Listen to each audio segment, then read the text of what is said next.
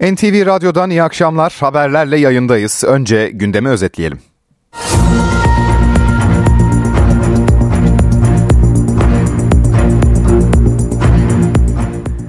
Bölge ülkeleriyle temas trafiği arttı. MİT Başkanı İbrahim Kalın'ın Bağdat ziyareti sonrası bugün de İran Cumhurbaşkanı Reisi Ankara'da. Cumhurbaşkanı Recep Tayyip Erdoğan'la görüşmesi sürüyor. Neler konuşuluyor? Ankara'dan canlı bağlantıyla öğreneceğiz.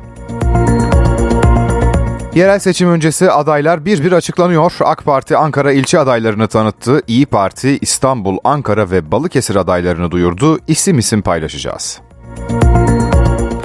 İşçi emeklileri memur emeklileri kadar zam alacak. Cumhurbaşkanı Erdoğan muhalefet emeklilerle aramızı bozamayacak derken muhalefet %49.25'lik zam oranını yetersiz buldu. Ukrayna'da çatışmalar sürerken gerilimi çok daha tırmandıracak bir gelişme yaşandı. Ukraynalı savaş esirlerini taşıyan nakliye uçağı düştü. 74 kişi hayatını kaybetti. Moskova uçağın Kiev tarafından hedef alındığını söylüyor. Kredi kartı borçları alarm veriyor. Borç düzeyi bir yılda %157 artış gösterdi. Kartlara düzenleme kapıda ne yapılabilir? Masadaki seçenekleri aktaracağız. Sporda ise Süper Lig'de hafta içi mesaisinde Fenerbahçe sahne alacak. Lider Başakşehir'e konuk olacak. Maç öncesi notları canlı bağlantıyla alacağız. Gündemin satır başları böyle. Ben Ege Berk Kiraz, NTV Radyo'da akşam haberleri başlıyor.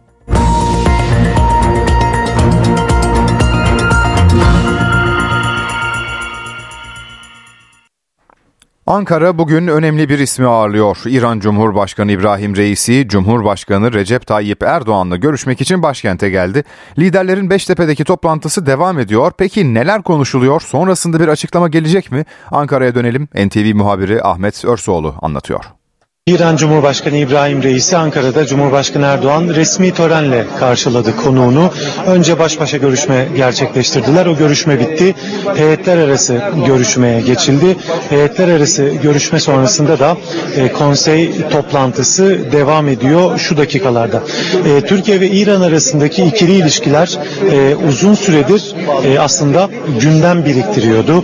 E, bölgesel konuların yanı sıra iki ülke ticari ilişkilerinin arttırılmasına yönelik bazı çabalar söz konusuydu. İran Cumhurbaşkanı İbrahim Reisi aslında daha önce Türkiye'yi ziyaret edecekti. Bundan önce iki kez e, Türkiye ziyareti iptal edildi ve e, bu hafta başında e, ziyaretin bugün yapılması için karar alındı.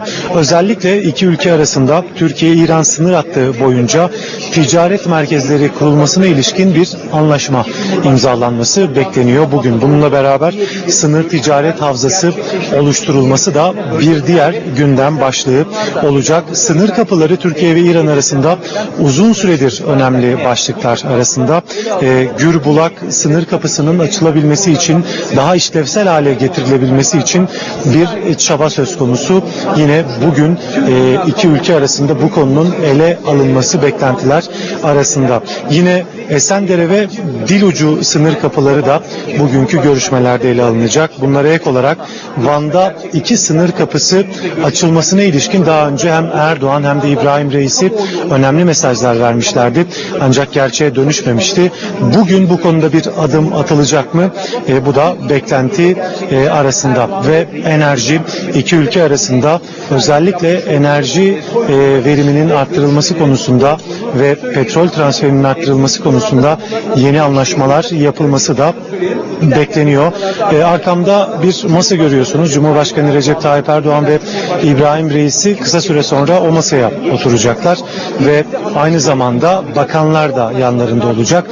10 önemli anlaşmanın imzalanabileceği daha önce ifade edilmişti. E, bugün o anlaşmaları da yakından takip edeceğiz. Ankara'dan Ahmet Örsoğlu aktardı. SSK ve Bağkur emeklilerine ek zam yapıldı. Oran %49,25'e yükseldi. Böylece 2024 yılında memur emeklileriyle işçi emekli aylıklarındaki artış oranları eşitlenmiş oldu. Cumhurbaşkanı Recep Tayyip Erdoğan imkanlarımızı seferber ettik. Muhalefetin emeklilerle aramızı bozmasına izin vermeyeceğiz dedi. Ancak CHP ve İyi Parti bu zam oranının yetersiz olduğu görüşünde CHP lideri Özgür Özel'in açıklamasını dinleyelim. Bu yine bir iyileştirme olarak söyleniyor. Biz diyoruz ki en düşük emekli maaşı 10 bin lira olmasın. asgari ücret düzeyine çıksın 17 bin lira olsun. Onların bu söylediği şey emeklilerin örneğin 10 bin lira maaş alan bir emekli için 450 lira zamma karşılık geliyor. Göstermelik bir iyileştirme yapıyorlar. Biz en düşük emekli maaşı asgari ücrete eşitlenene kadar yani en az 17 bin lira olana kadar konuşmaya devam edeceğiz. Emeklilerin sesini duyurmaya devam edeceğiz. CHP Genel Başkanı Özgür Özel'in açıklaması böyleydi. Benzer yönde bir açıklamada İyi Parti lideri Meral Akşener'den geldi. Dinleyelim. 10 yıl önce asgari ücret 850 lirayken en düşük emekli maaşı 1050 liraydı. Bugün ise asgari ücret 17 bin liraya çıktı ama en düşük emekli maaşı 10 bin lirada kaldı. Sayın Erdoğan, emeklilerimizin üzerindeki ağır yükü derhal kaldırın. En düşük emekli maaşını bir an önce asgari ücret seviyesine çıkartın. En düşük emekli maaşında yapılan artışlardan tüm emeklilerimizin faydalanmasını sağlayın. Kök maaş işinden derhal vazgeçin. Dünya gündeminde öne çıkan bir haber, Rusya'ya ait bir askeri nakliye uçağı Ukrayna sınırı yakınlarında düştü. Uçakta çoğu Ukraynalı savaş esiri 74 kişi vardı, kurtulan olmadı.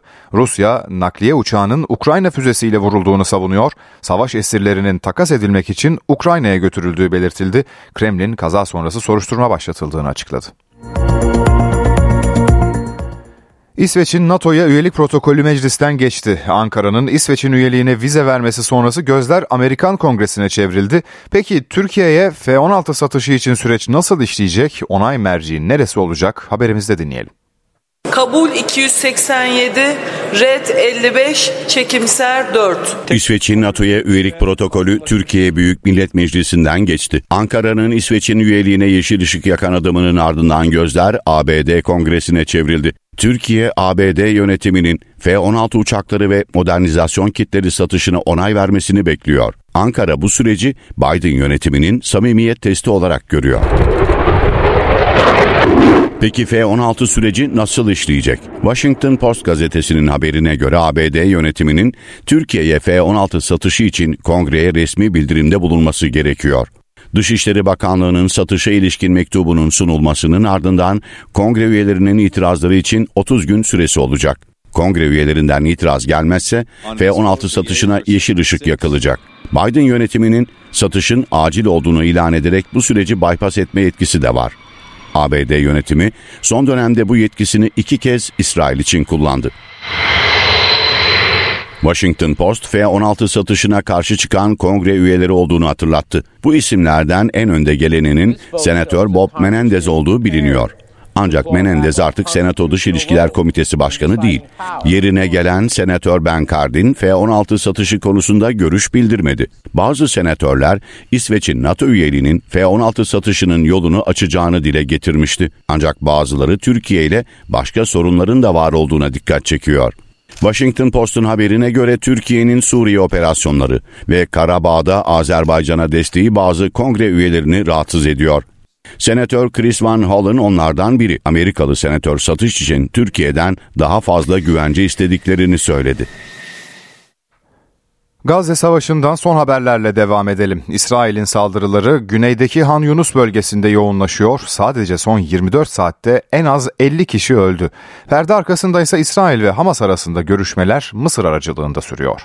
Gazze'nin kuzeyindeki Cebaliye'den İsrail güçlerinin odağında güneydeki Han Yunus şehri olsa da diğer bölgelerdeki saldırılar da sürüyor. Cebaliye'ye hedef alan İsrail saldırısı sonrası yaralananlardan bazıları ise Filistin Kızılayı çalışanlarıydı.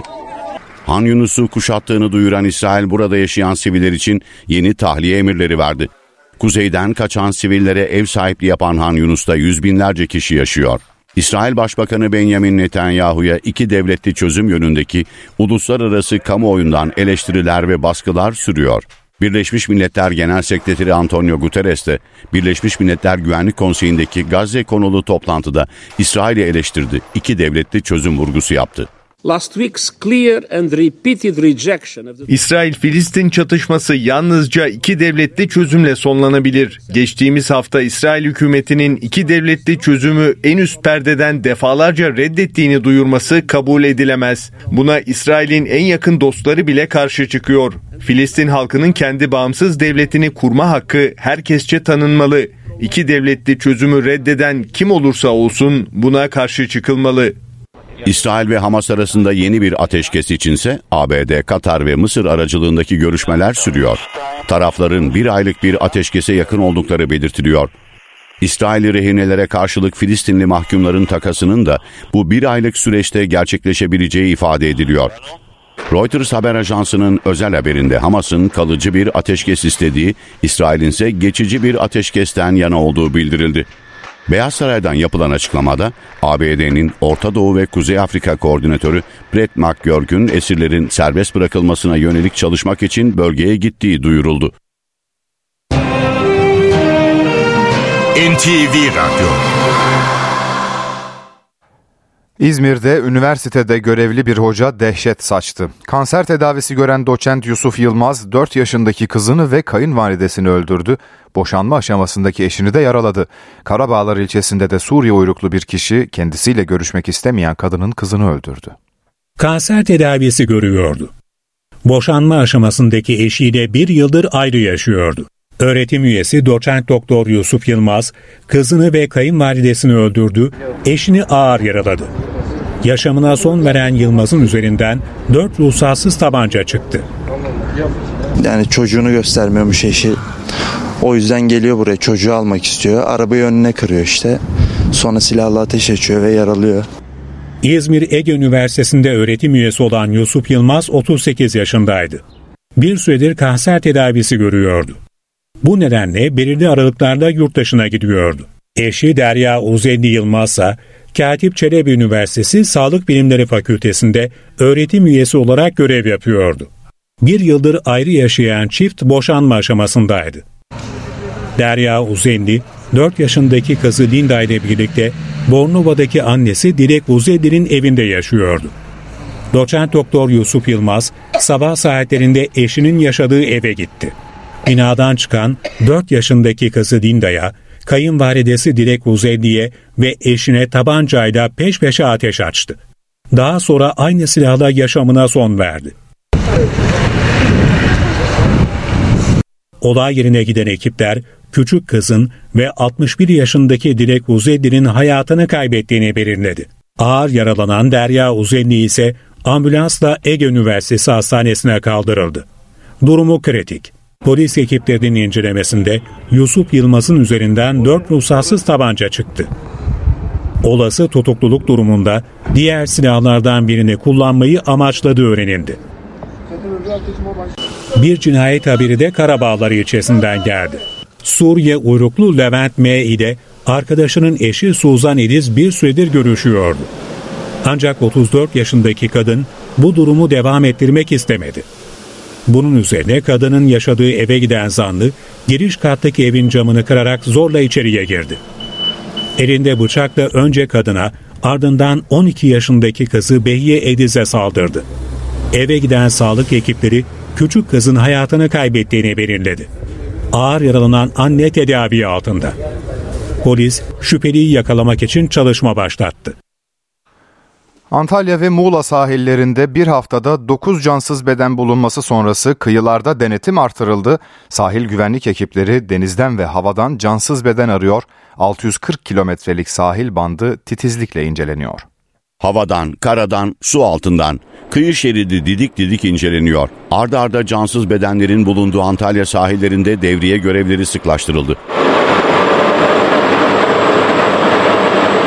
Antalya'nın Manavgat, Aksu ve Serik sahillerinde 6 gün içinde 8 kişinin cansız bedeni bulundu. Ölenlerden birinin 4 Ocak'ta kaybolan üniversite öğrencisi Merve Şevval Elmas'a ait olduğu tespit edildi. Cansız bedenleri bulunan diğer kişilerin ise bir kaçak teknesinin batması sonucu ölmüş olabileceği üzerinde duruluyor. Muğla Köyceğiz'de de karadan ulaşımın olmadığı sahilde bir kadına ait cansız beden bulunmuştu.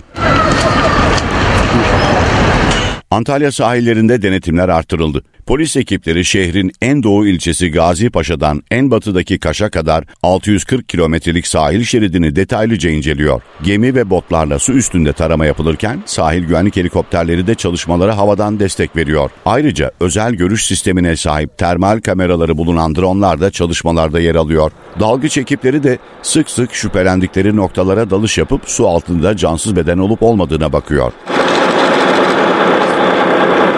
Antalya ve Muğla'da cansız bedenleri bulunan 8 kişinin kimliklerini belirleme çalışmaları sürüyor. İstanbul Sarıyer'de bir müzik holde aynı gece içinde iki kez silahlı saldırı düzenlendi. Birinci saldırı sonrası olay yerine çağrılan polis ekipleri inceleme yaparken yeniden ateş açıldı. Bir kişi öldü, ikisi polis, beş kişi yaralı. Önce kavga çıkardılar, mekandan atılınca silaha sarıldılar. Olaydan dakikalar sonra geri dönüp kurşun yağdırdılar. İstanbul Sarıyer Huzur Mahallesi'ndeki bir eğlence mekanı aynı kişiler tarafından bir gecede iki kez saldırıya uğradı.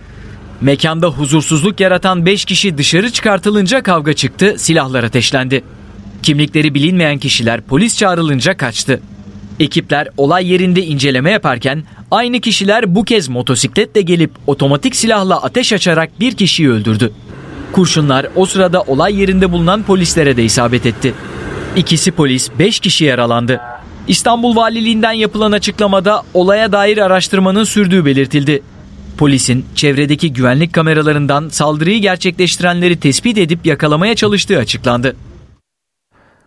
Gizli fon dolandırıcılığı davasında dosyaya yeni belgeler eklendi. Bir numaralı sanık eski banka müdürü Seçil Erzan'ın cep telefonu yazışmaları ve bankanın kamera kayıtları mahkemeye sunuldu. Tamamen bana yardım etmek amacıyla yaptılar. Senden çok rica ediyorum. Onların senetlerine ilgili lütfen hiçbir şey yapma. 26 milyon dolarlık gizli fon dolandırıcılığı davasına ilişkin yeni ayrıntılar ortaya çıkmaya devam ediyor. Eski banka müdürü Seçil Erzan'ın da aralarında olduğu 7 sanıklı dava dosyasına cep telefonu incelemeleri ve bankanın güvenlik kamerası kayıtları ile ilgili bilirkişi raporu da girdi. Güvenlik kamerası kayıtlarının silinmediği ortaya çıktı. Rapora göre tutuklu sanık Seçil Erzan'la en fazla yazışmanın Arda Turan arasında olduğu tespit edildi. Arda Turan parasını alamadığı için yaşadığı mağduriyeti anlatmaya çalışıyor. Bunu bana nasıl yaparsın? Senin için gittim borçlar istedim, sözler verdim, hiçbirini tutamıyorum. İnsanların gözünde ne hale düştüm? Ben yarın insanların maaşlarını nasıl ödeyeceğim? Çok mahcubum. Ne yapacağım Seçil? Yarın gideyim sorayım tefeciye filan. Sinir hastası oldum bir çare söyle. Yarın kaçta dediler. Ne diyorlar? Yarın ödeme alacağız. Normal şartlarda olması %100 olan bir şey geçen hafta sistemi kapattıkları için vadeyi tutturamıyorlar. 15 gündür oyalanıyorum. Şu anda bir hafta daha. 5 kişiye söz vermiştim ödeme yapacağım diye. Seçil Erzan kendisinden para isteyen kuzeni Tanın Yılmaz'a 2 Nisan 2023'te yolladığı mesajda da Moci arıyor gerekeni yapacağız diyor.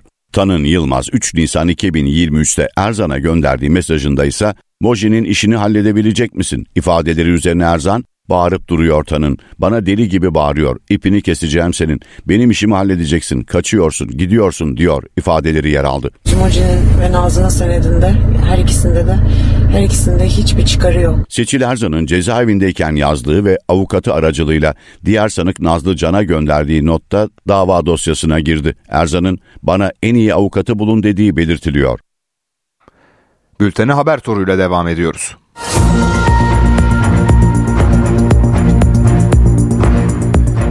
Kahramanmaraş'ta ağır hasarlı 7 katlı bir bina yıkım işlemi sırasında çöktü. İş makinesi enkaz altında kaldı.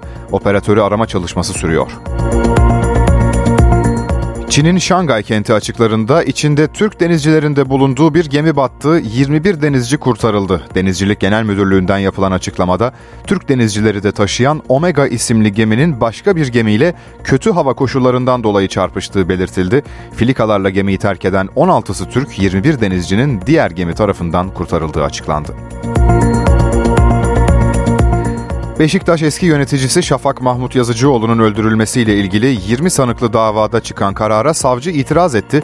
Savcı fazla ceza tayin edildiğini belirtti. Dilekçede Ali ve Kadir Yasağan haksız tahrik altında kasten öldürme suçundan ayrı ayrı cezalandırılmalarına karar verilmesi gerekirken haksız tahrik indirimi yapılmayarak fazla ceza tayin edildiği ifade edildi. Ukrayna'dan 1500 kilometre yol gelen tır sürücüsü İstanbul Kağıthane'de 73 yaşındaki bir adama çarptı. Yaşlı adam hayatını kaybederken gözaltına alınıp bırakılan Ukraynalı tır şoförü ülkesine döndü. Türkiye genelindeki fast food restoranlarında 10 gün sürecek denetim başlatıldı. Tarım ve Orman Bakanı İbrahim Yumaklı, kamu sağlığının korunması için kızartma yağlarının mercek altına alınacağını duyurdu. 10 günde 7500 kontrol görevlisi sahada denetim yapacak, incelemelerde yağdaki bileşen maddelere ve yağ sıcaklığı gibi hususlara bakılacak.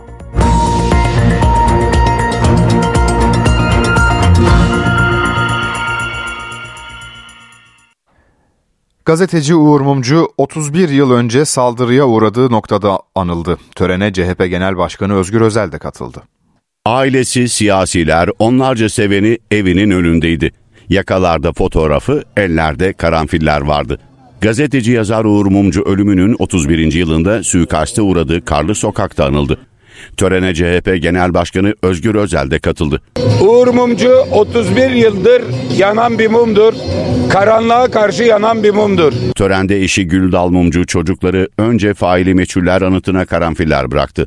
Ardından da Uğur Mumcu'nun suikaste uğradığı noktada mumlar yakıldı. Türkiye'nin aydınlık geleceğini karartmak için katledilen bir aydın gazetecidir. Demokrasi şehidimizdi. Bizi bu kadar üzmeye hiç kimsenin hakkı yoktu. Çok üzgünüm. Uğur Mumcu 24 Ocak 1993 yılında arabasına yerleştirilen C4 tipi patlayıcının infilak etmesi sonucu hayatını kaybetmişti. Mumcu suikasti davası olaydan 7 yıl sonra açıldı. Davada Uğur Mumcu'nun aracına konan bombanın Ferhan Özmen tarafından hazırlandığı, Necdet Yüksel'in gözcülüğünde Oğuz Demir tarafından yerleştirildiği belirtildi. Ancak biri firari 6 sanık hakkında Anayasa Mahkemesi'nin yargılanma haklarının ihlal edilmesi kararı sonucu yeniden yargılama başladı. Ağırlaştırılmış müebbet hapis cezası alanlar dışında cezaevinde bulunan kimse kalmadı. Demir ise 31 yıldır firarda. Dünya Sağlık Örgütü geçtiğimiz hafta küresel çapta yeni bir salgın görülebileceğini açıklamış, X hastalığı büyük kayıplara neden olabilir uyarısı yapmıştı. Bu konuda Sağlık Bakanı Fahrettin Koca'dan bir değerlendirme geldi. Bakan varsayımsal bir hastalık gerçek hayatta karşılığı yok. Bir gün salgın yaşanacak olursa ona hazırlıksız yakalanmamak için teorik anlamda kullanıldı. Siz rahat olun ve kendinizi soğuk algınlığından koruyun dedi. Peki yeni bir salgın ne kadar yakın? X diye tanımlanan hastalık nasıl bir rahatsızlık olabilir? Enfeksiyon hastalıkları uzmanı Profesör Alper Şener, X hastalığıyla ilgili öngörülerini paylaştı. Hastalık X adı altında yeni bir salgınla ilgili bir tahminde bulunuyor. Bu tahmin de aslında son 10 yılın bir tahmini, yeni bir tahmin değil ama yeniden gündeme geldi, yeniden alevlendi. Çünkü düşünülen şey şu ki aslında e, solunum yolu viral hastalıklarla ilgili karşı karşıya kaldığımız tablo tabii ki ölümcül seyretti ama beklenenin altında bir ölümcül tabloyla karşı karşıya kalındı. %3, %5'lerde seyretti dünyadaki ortalama mortalitesi. Dünya nüfusu arttıkça ve genel anlamda dünyanın genelinde salgın hastalık, bulaşıcı hastalıklar ön plana çıktıkça daha ölümcül seyredecek olan yine solunum yolu enfeksiyonu olabilir, kan yoluyla bulaşan bir hastalık olabilir, bir zoonotik hastalık olabilir, arada bir vektörün olduğu, kene gibi, sivrisinek gibi vektörün olduğu bir e, viral hastalık bekleniyor. Buna yönelik de Dünya Sağlık Örgütü hem çalışmalarını devam ettiriyor hem de hazırlığını yapıyor. Çünkü hepimizin bildiği gibi e, bu sahada yapılan taramalarda önce doğada tarama yapılıyor. Doğada değişime uğrayan virüsler, bakteriler, parazitler inceleniyor. Şu anda odaklanılan konu yine bir X viral hastalığı ile ilgili dünyanın genelinde önümüzdeki zaman dilimi ne olduğu belli değil. Ne kadar süre içerisinde olduğu belli değil. Bir pandemi bekleniyor. Bu pandemi teknik olarak aslında hangi ülkeden ve nereden başlayacağı ile ilgili yorumu açık.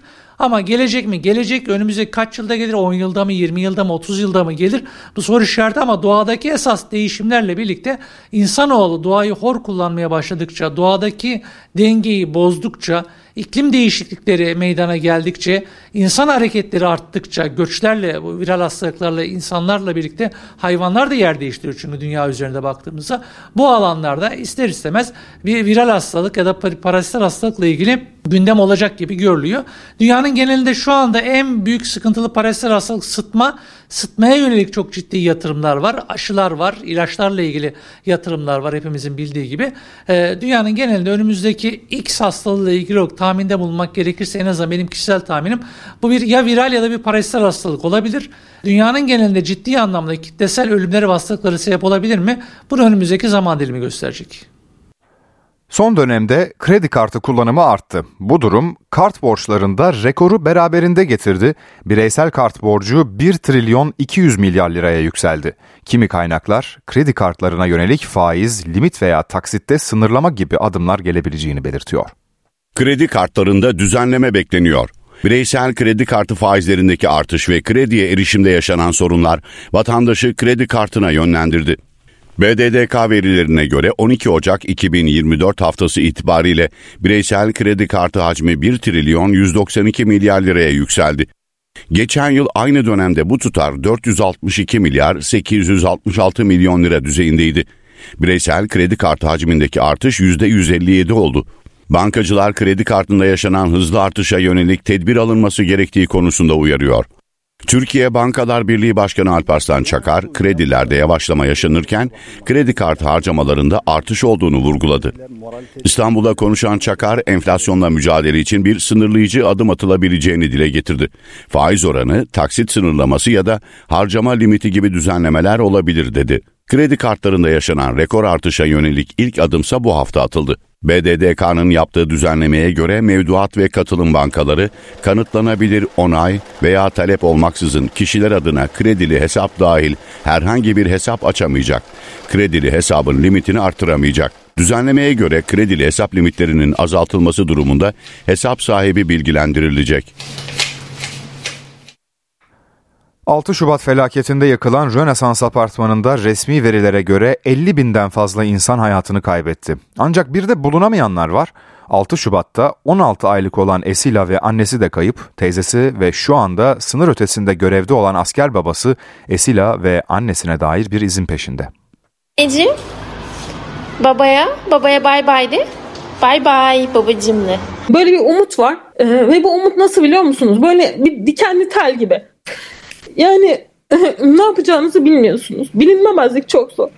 Esila 16 aylıktı. 6 Şubat'ta annesi Nagihan Meryem Özgür'le birlikte Hatay'da yüzlerce kişiye mezar olan Rönesans rezidansın enkazında kaldı. Aynı evde onlarla beraber olan anneanne bulundu, onlar bulunamadı. Annemin e, cenazesine biz 9. gün ulaştık. Annemde yanık izi yoktu. Tam kırılma noktasına geldiğini düşünüyorum ve yan komşularının da sağ çıktığını biliyoruz biz. Onların sağ çıkmış olması, annemde yanık izinin olmamış olması, depremin ilk saatlerinde çıkarılmış olabileceklerini düşündürüyor bize. Depremden sonra yakınlarına ulaşamayan çok sayıda kişi var. Tek talepleri onlara dair bir iz bulabilmek. Bunun için de araştırma komisyonunun kurulması. Kayıp yakınlar olarak da çok fazla bir şey istediğimizi düşünmüyorum yani. Hani biz canlarımıza ulaşmak istiyoruz yani bir şekilde. Sağlarsa neredeler? Nerede olduklarını hani bilelim. Yani vefat ettilerse de en azından e, yani bir parça toprakları olur en azından. Gideriz orada yasımızı tutarız. Şu an böyle boşluktayız. Arafta duruyormuşuz gibi hissediyoruz. Esila'nın asker olan babası Bulut Özgül sınır ötesinde görevde. Onun da bir mesajı var. Çok hani e, duygulandı dedi ki bir şeyler yazsam hani okur musun? Hani okumana izin verirler mi? E, devletimin benim kızımı ve eşimi bulacağına inanıyorum. Acılarımızı dindireceğine inanıyorum. Eğer kızım hayattaysa ve biri depremden sonra sahiplendiyse Allah rızası için evladımızı devletimize teslim etsinler. Prenses alkış. Deprem mağdurları ve kayıp yakınlarıyla Dayanışma Derneği çatısı altında 142 aile yakınlarını arıyor. Deprem kayıpları için 6 Şubat itibariyle yani bir yıl dolunca gayiplik istemiyle mahkemeye başvurulabilecek. Mahkeme kararıyla gayip sayılanlar ölmüş gibi kabul edilecek. Türkiye genelinde ara eleman sıkıntısı yaşayan sektörler arasında inşaat başı çekiyor. İşverenler usta bulamadıkları için maliyetlerin artıp gecikmeler yaşandığına dikkat çekiyor. Sıvacı, boyacı gibi iş kollarında çalışanlar beyaz yakanın 3-4 katı maaş alıyor. Gençler inşaatta mesela ağır iş olduğu için girmek istemiyorlar. İki tane oğlum var. Birkaç sefer getirdim ve ikinci gün gelmek istemedi. Genç iş gücünün uzak durması nedeniyle şantiyelerde usta ve işçi sıkıntısı yaşanıyor. Müteahhitler alttan nitelikli teknik eleman yetişmediğine dikkat çekiyor. Bu tabii inşaatın teslim sürelerine yansıyor, iş kalitesine yansıyor. Sadece bu teknik elemanda fayansçıydı, seramikçiydi, alçıcı da değil. En basit kaba inşaatta başlayan işte demir ustası bulunamıyor, kalıp ustası yok. Kalifeli eleman kesinlikle yok. Bu sektörde şu an çırak yetişmiyor. Şu durumda, şu düzende devam ederse belki 2 sene, 3 sene sonra hiç usta bulamayız. Müteahhitler kendilerine yapılan iş başvurularındaki orantısızlığa da değiniyor. Mimar ve mühendislerin, ustaların ve işçilerin tersine sektörde asgari ücretle bile iş bulmakta zorlandığının altını çiziyor. Ben 13-14 yaşına başlayınca 16-17 yaşında ben bu mesleği kavradım. Usta oldum. Kendini yetiştirmiş, kendini kanıtlamış bir usta ama maaşı 100 bin lira rahat geliyor. O maliyetler e, günün sonunda inşaatın imalat fiyatlarına yansıyor. Bu yansıyan fark günün sonunda dönüyor dolaşıyor. E, işte daire fiyatları derken kiralara yansıyor ve barınma sorunu ortaya çıkarıyor. Sektör temsilcileri ara eleman sıkıntısına karşı eğitim sisteminde değişikliğe gidilmesini öneriyor.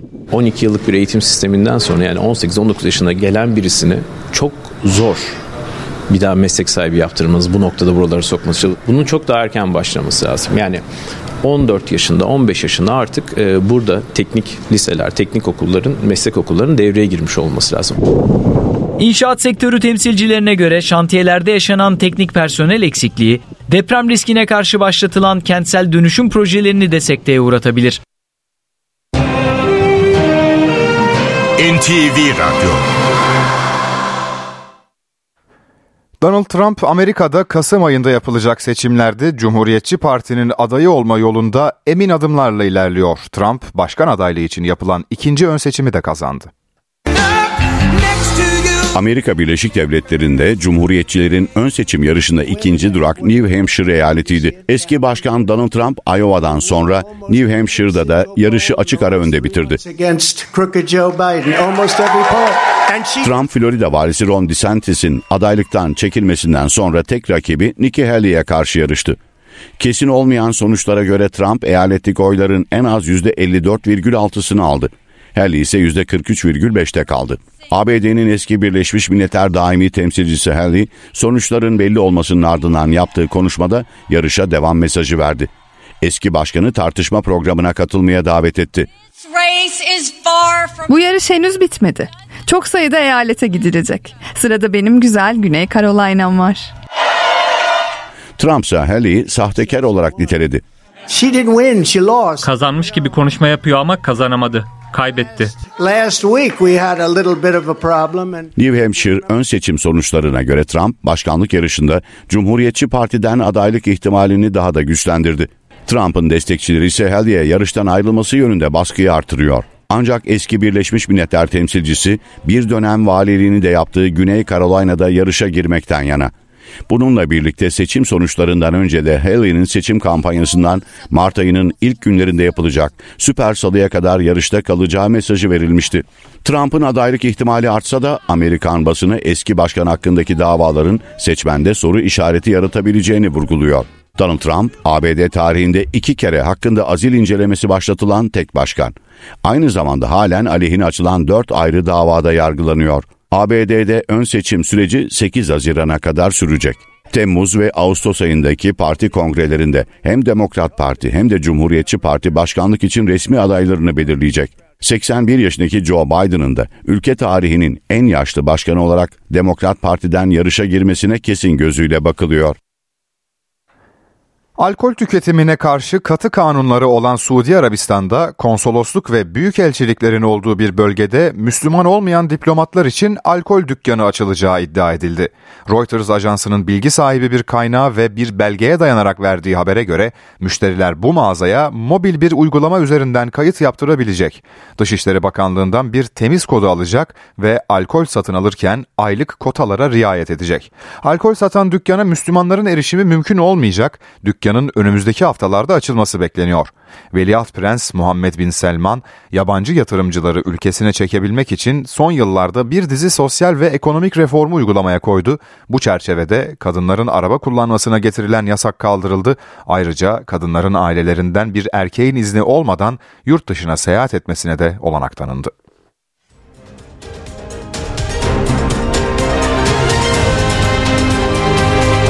NTV Radyo Dünya markası Bras çatı sistemleri finans bültenini sunar. Borsa İstanbul 100 endeksi 8106 seviyelerinde. Dolar 30.22, Euro 33.06'dan işlem görüyor. Euro dolar paritesi 1.09. Ons altın 2031 dolarda, gram altın 1974, çeyrek altın 3348 liradan satılıyor. Brent petrolün varil fiyatı 80 dolar.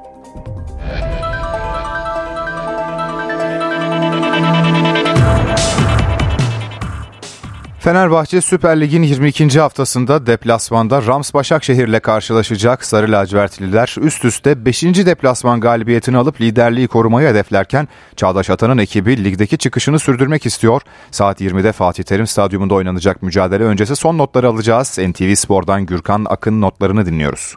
Fenerbahçe Süper Lig'in 22. haftasında Rams Başakşehir'e konuk olacak. Mücadele bu akşam saat 20'de oynanacak. Artık maça e, sayılı saatler kaldı. Fenerbahçe'de tabii bu karşılaşma öncesinde e, eksikler de var. Bright Osei Samuel bildiğiniz gibi Afrika Uluslar Kupası'nda e, forma giyiyordu. Bu nedenle forma giyemeyecek. Alexander Ciku da Afrika Uluslar Kupası'nda e, mücadele etmek için milli takımdaydı. Ancak Ciku İstanbul'a döndü ve sıcak gelişme olarak verelim. Maç kadrosuna da alındı. Bu akşam maç kadrosunda ayağının tozuyla e, hocası şans vermesi halinde forma giyebilecek. Bunun dışında Fred'in sakatlığı devam ediyor.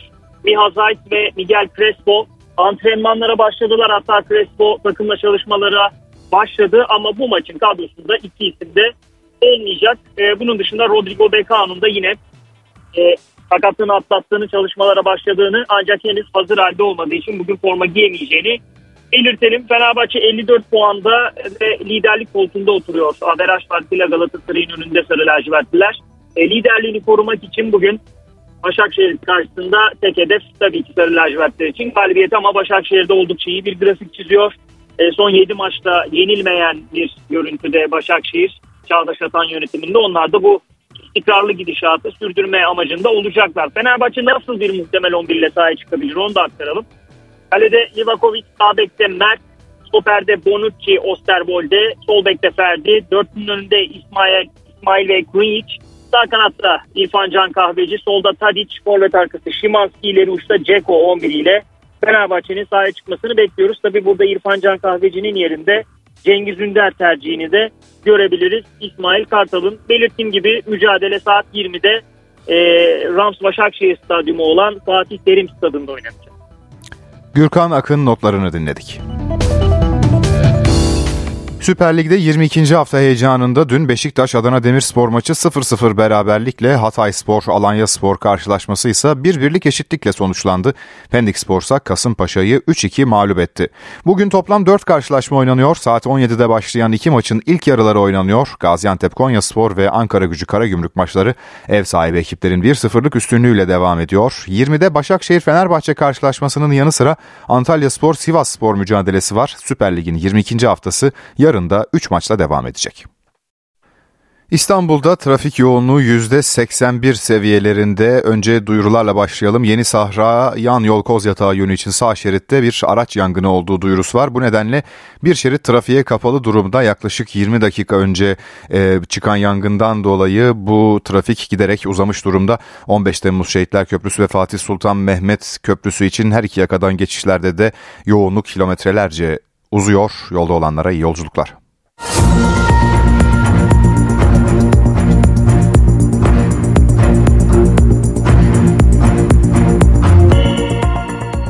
NTV Radyo'da gelişmelerle yayındayız. AK Parti'nin Ankara ilçe adayları belli oldu. Yarışacak isimleri Cumhurbaşkanı Recep Tayyip Erdoğan duyurdu. Cumhurbaşkanı konuşmasında muhalefete de eleştiriler yöneltti. Kendi çekişmelerinden, rant paylaşım kavgalarından, ülke ve millet düşmanlarıyla işbirliği çabalarından herhalde programa, projeye vakit bulamıyorlar. Gerçi hiçbir şey yapmadılar demek doğru değil. Mesela bol bol şov yaptılar. Mesela bol bol tatil yaptılar. Cumhurbaşkanı Recep Tayyip Erdoğan Ankara ilçeleri aday tanıtım toplantısında kürsüdeydi. CHP'li belediye başkanları eleştirdi. İstanbul gözü ve gönlü başka mecralarda olan bir yönetimin elinde resmen geriledi. tıkandı. Adeta bir fetret devrine girdi. Cumhurbaşkanı eser kazandırmak gibi bir dertleri yok. Millet hesabını 31 Mart'ta sorar diye konuştu. Ülkemizin en büyük ilk üç şehrinde temel atmama törenleriyle ve atılan temellerin üzerini kapatmakla vakit geçiren, esersiz ve hizmetsiz harcanan yıllardan söz ediyorum. Milletimiz bunun hesabını hiç şüphesiz 31 Mart'ta sandıkta soracaktır. Seçim öncesi ne dedilerse iş başına gelince tam tersini yapan bu zübük siyasetçi tiplemeleriyle gençlerimize kötü örnek teşkil etmemesini diliyoruz. Cumhurbaşkanı konuşmasının ardından ilçe belediye başkan adaylarını tek tek tanıttı. Keçiören, Zafer Çoktan, Mamak, Asım Balcı. AK Parti'nin Altındağ Belediye Başkan adayı Veysel Tiryaki. Daha önce bu görevi yürüten belediye başkan adayı Asım Balcı, Mamak adayı oldu. Çankaya Belediye Başkan adayı Doğan Kalkan, Keçiören Belediye Başkan adayı Zafer Çoktan, Yeni Mahalle Belediye Başkan adayı Abdülkadir Aydoğan oldu. Ankara'da 20 ilçede AK Parti aday çıkardı.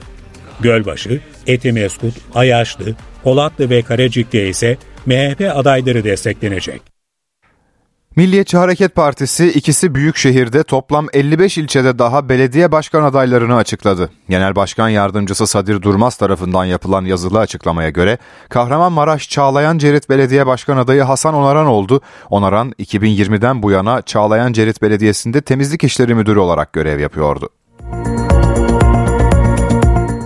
İyi Parti'nin İstanbul ve Ankara Büyükşehir Belediye Başkan adayları da netleşti. İstanbul'da milletvekili Burak Kavuncu, Ankara'da ise Cengiz Topel Yıldırım aday oldu. Milletvekili Turan, Turan Çömez ise Balıkesir'de yarışacak. Burak Kavuncu geldi ben adayım ben istiyorum dedi. Ben de peki dedim.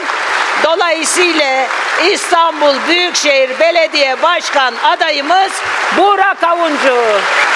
Hadi bakalım.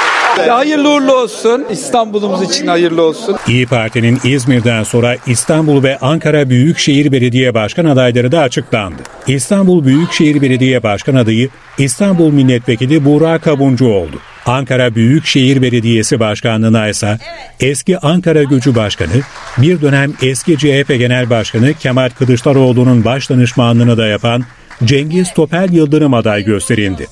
Kendisine İyi Parti adına Ankara Büyükşehir Belediye Başkan adaylığını ve inşallah belediye başkanlığını teklif ettiğimde tabii ki Ankara'ya hizmet etmek benim için bir görevdir, benim için bir şereftir dedi ve kazanmak üzere bugünden itibaren yola çıkıyor.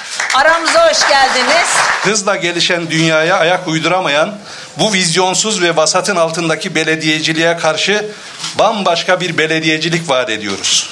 İyi Parti'nin Balıkesir Büyükşehir Belediyesi Başkan adayı da Balıkesir Milletvekili Turhan Çömez oldu. Gelecek ve Saadet Partileri 31 Mart'ta toplam 100 bölgede seçime ortak girecek. Gelecek Partisi lideri Ahmet Davutoğlu, geçen hafta Saadet Partisi Genel Başkanı Temel Karamoğlu, Karamollaoğlu ile yaptıkları görüşmeyi anlattı. Büyük şehirlerden, illerden ve ilçelerden oluşan 100 seçim bölgesinde seçimlere ortak gireceğiz dedi. Bunun ilk aşama olduğunu ve çalışmaların devam ettiğini de sözlerine ekledi. NTV Radyo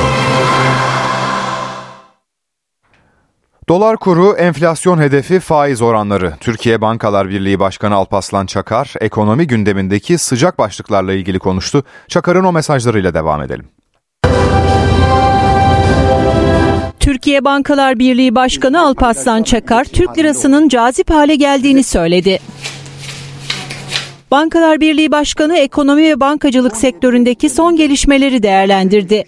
İstanbul Finans Merkezi'ndeki toplantıda konuşan Çakar, Türk lirası varlıklara yabancı ilgisinin arttığını ifade etti. Dolar yıl sonu 39-40 lira civarında olur. Kur bu yıl enflasyondan fazla artmayacak. Şu anda 2024 yılında TL en doğru enstrüman gibi gözüküyor. Alparslan Çakar orta vadeli programdaki hedefleri çok gerçekçi bulduğunu söyledi. Programda sadece enflasyon hedefinin bir miktar iddialı olduğunu belirtti. Çakar, enflasyonda seçim sonrası dönemde de kararlı duruşun devam edeceği kanaatindeyim diye konuştu. Enflasyonu makul seviyelere çekmenin zorunluluk olduğunu vurguladı. Türkiye Bankalar Birliği Başkanı Merkez Bankası'nın faiz kararlarını da değerlendirdi. Merkez Bankası'nın faiz arttırım sürecini Ocak ayı itibariyle tamamlayacağı kanaatindeyim. Son çeyrek içerisinde faiz indirim sürecine doğru gidileceğini düşünüyorum.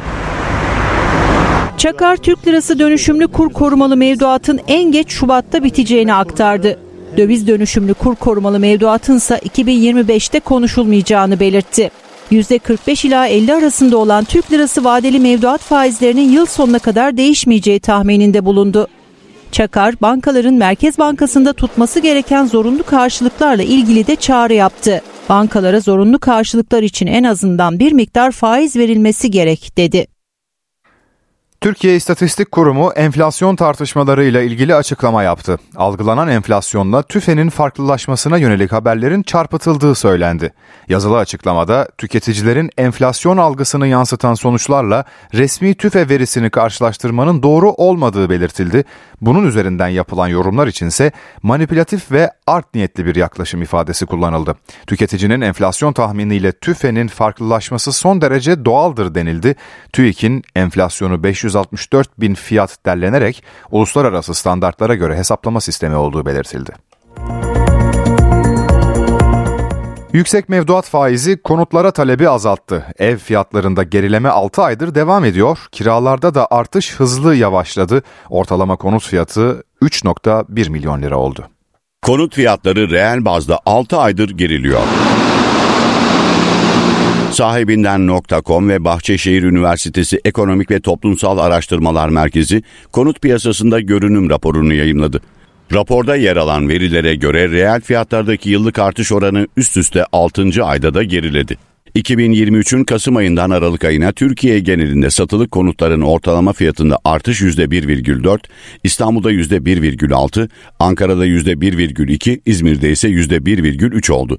Veriler enflasyondan arındırıldığında ise reel olarak gerilemeye işaret etti. Türkiye genelinde kirada yıllık artışlar da reel olarak uzun süredir düşüyor. Yıllık artış Şubat 2023'te %86,6 ile zirve yaptıktan sonra inişe geçti. Kasım'dan Aralık'a 4,8 puanlık azalışla %13,5'e geriledi. Rapora göre hem satılık hem kiralık konut arzı yavaşlıyor. Satılık konut arzı Aralık'ta önceki aya göre ülke genelinde %4,8, İstanbul'da %4,5, Ankara'da %2,5, İzmir'de ise %6,9 düştü. Bu oran kiralık konutlarda İstanbul'da %3,4, Ankara'da %5,9, İzmir'de %5,5 azalış olarak kayıtlara geçti. Konutu olan talep de geçen yılın Aralık ayına kıyasla %26 daha düşük. Öte yandan Türkiye genelinde ortalama bir konutun fiyatı 3 milyon lirayı aştı. Gayrimenkul değerleme platformu Endeksa'nın verisine göre ortalama metrekare satış fiyatı 330.790 lira oldu. Ortalama konut fiyatı ise 3 milyon 92 bin liraya yükseldi. En büyük hayalim Uğur Mumcu suikastını çözmek diyen şehit emniyet müdürü Ali Gaffar Okkan ve 5 silah arkadaşı 23 yıl önce uğradıkları saldırıda şehit edilmişti. Şehit emniyet müdürü ve silah arkadaşları Diyarbakır ve Sakarya'da anıldı.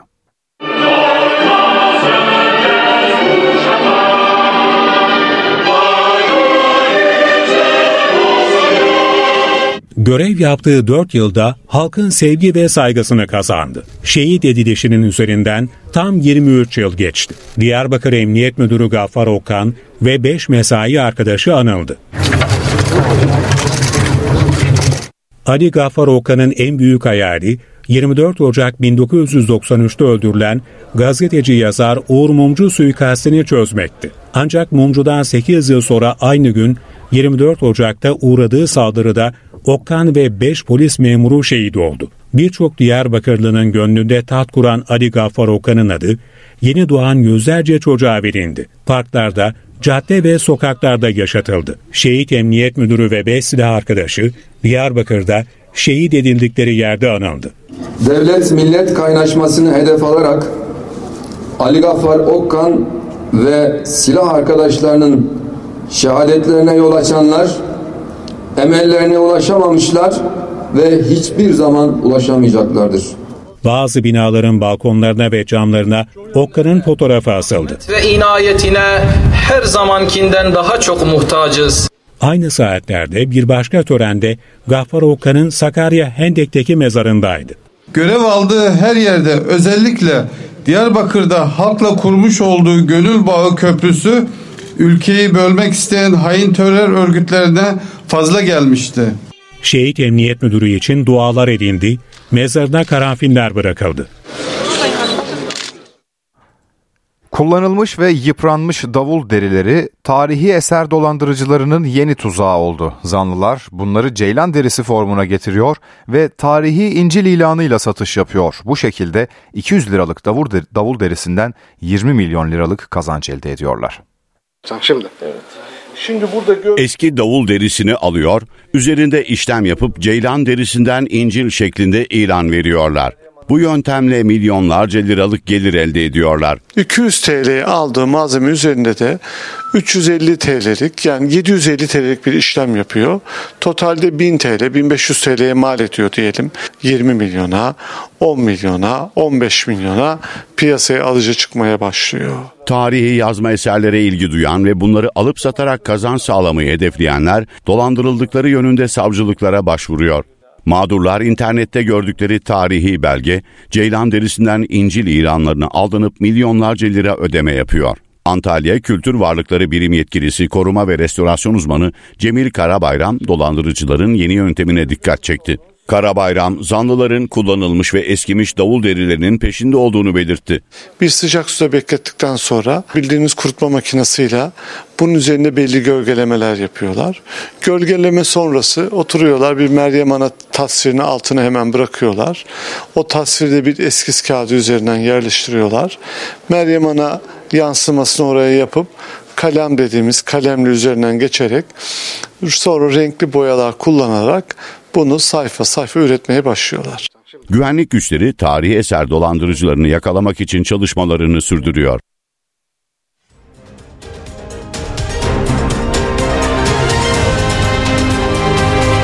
NTV Radyo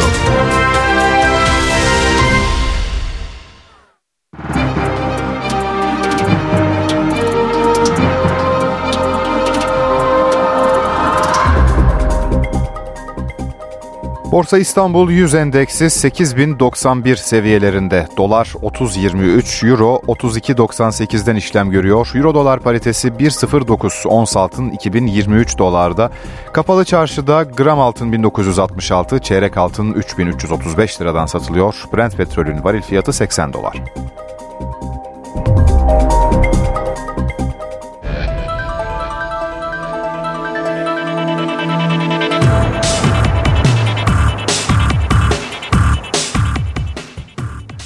Fenerbahçe Trendyol Süper Lig'in 22. haftasında deplasmanda Rams Başakşehir'le karşılaşacak. Fenerbahçe'de tedavileri süren Fred, Crespo ve Zayt'sın yanı sıra henüz hazır durumda olmayan Bekao forma giyemeyecek. Osay Samuel de Afrika Uluslar Kupası için milli takımda bulunuyor.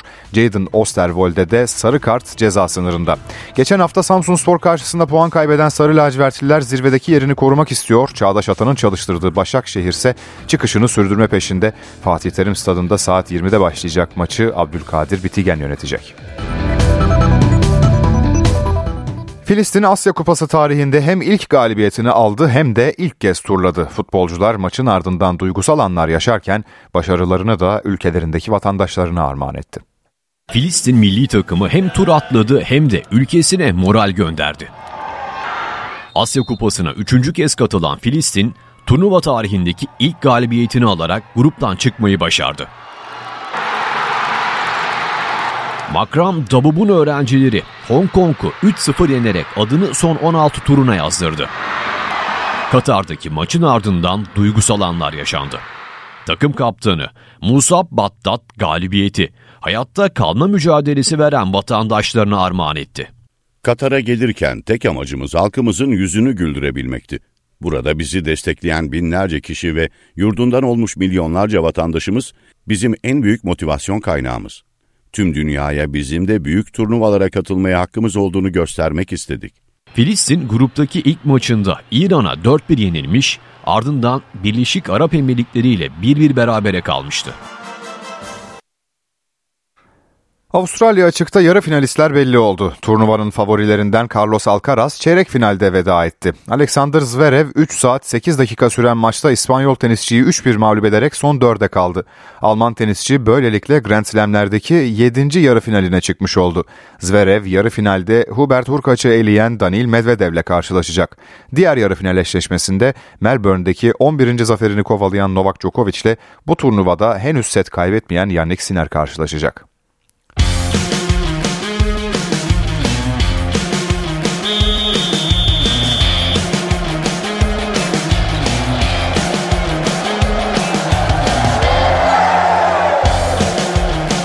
NTV Radyo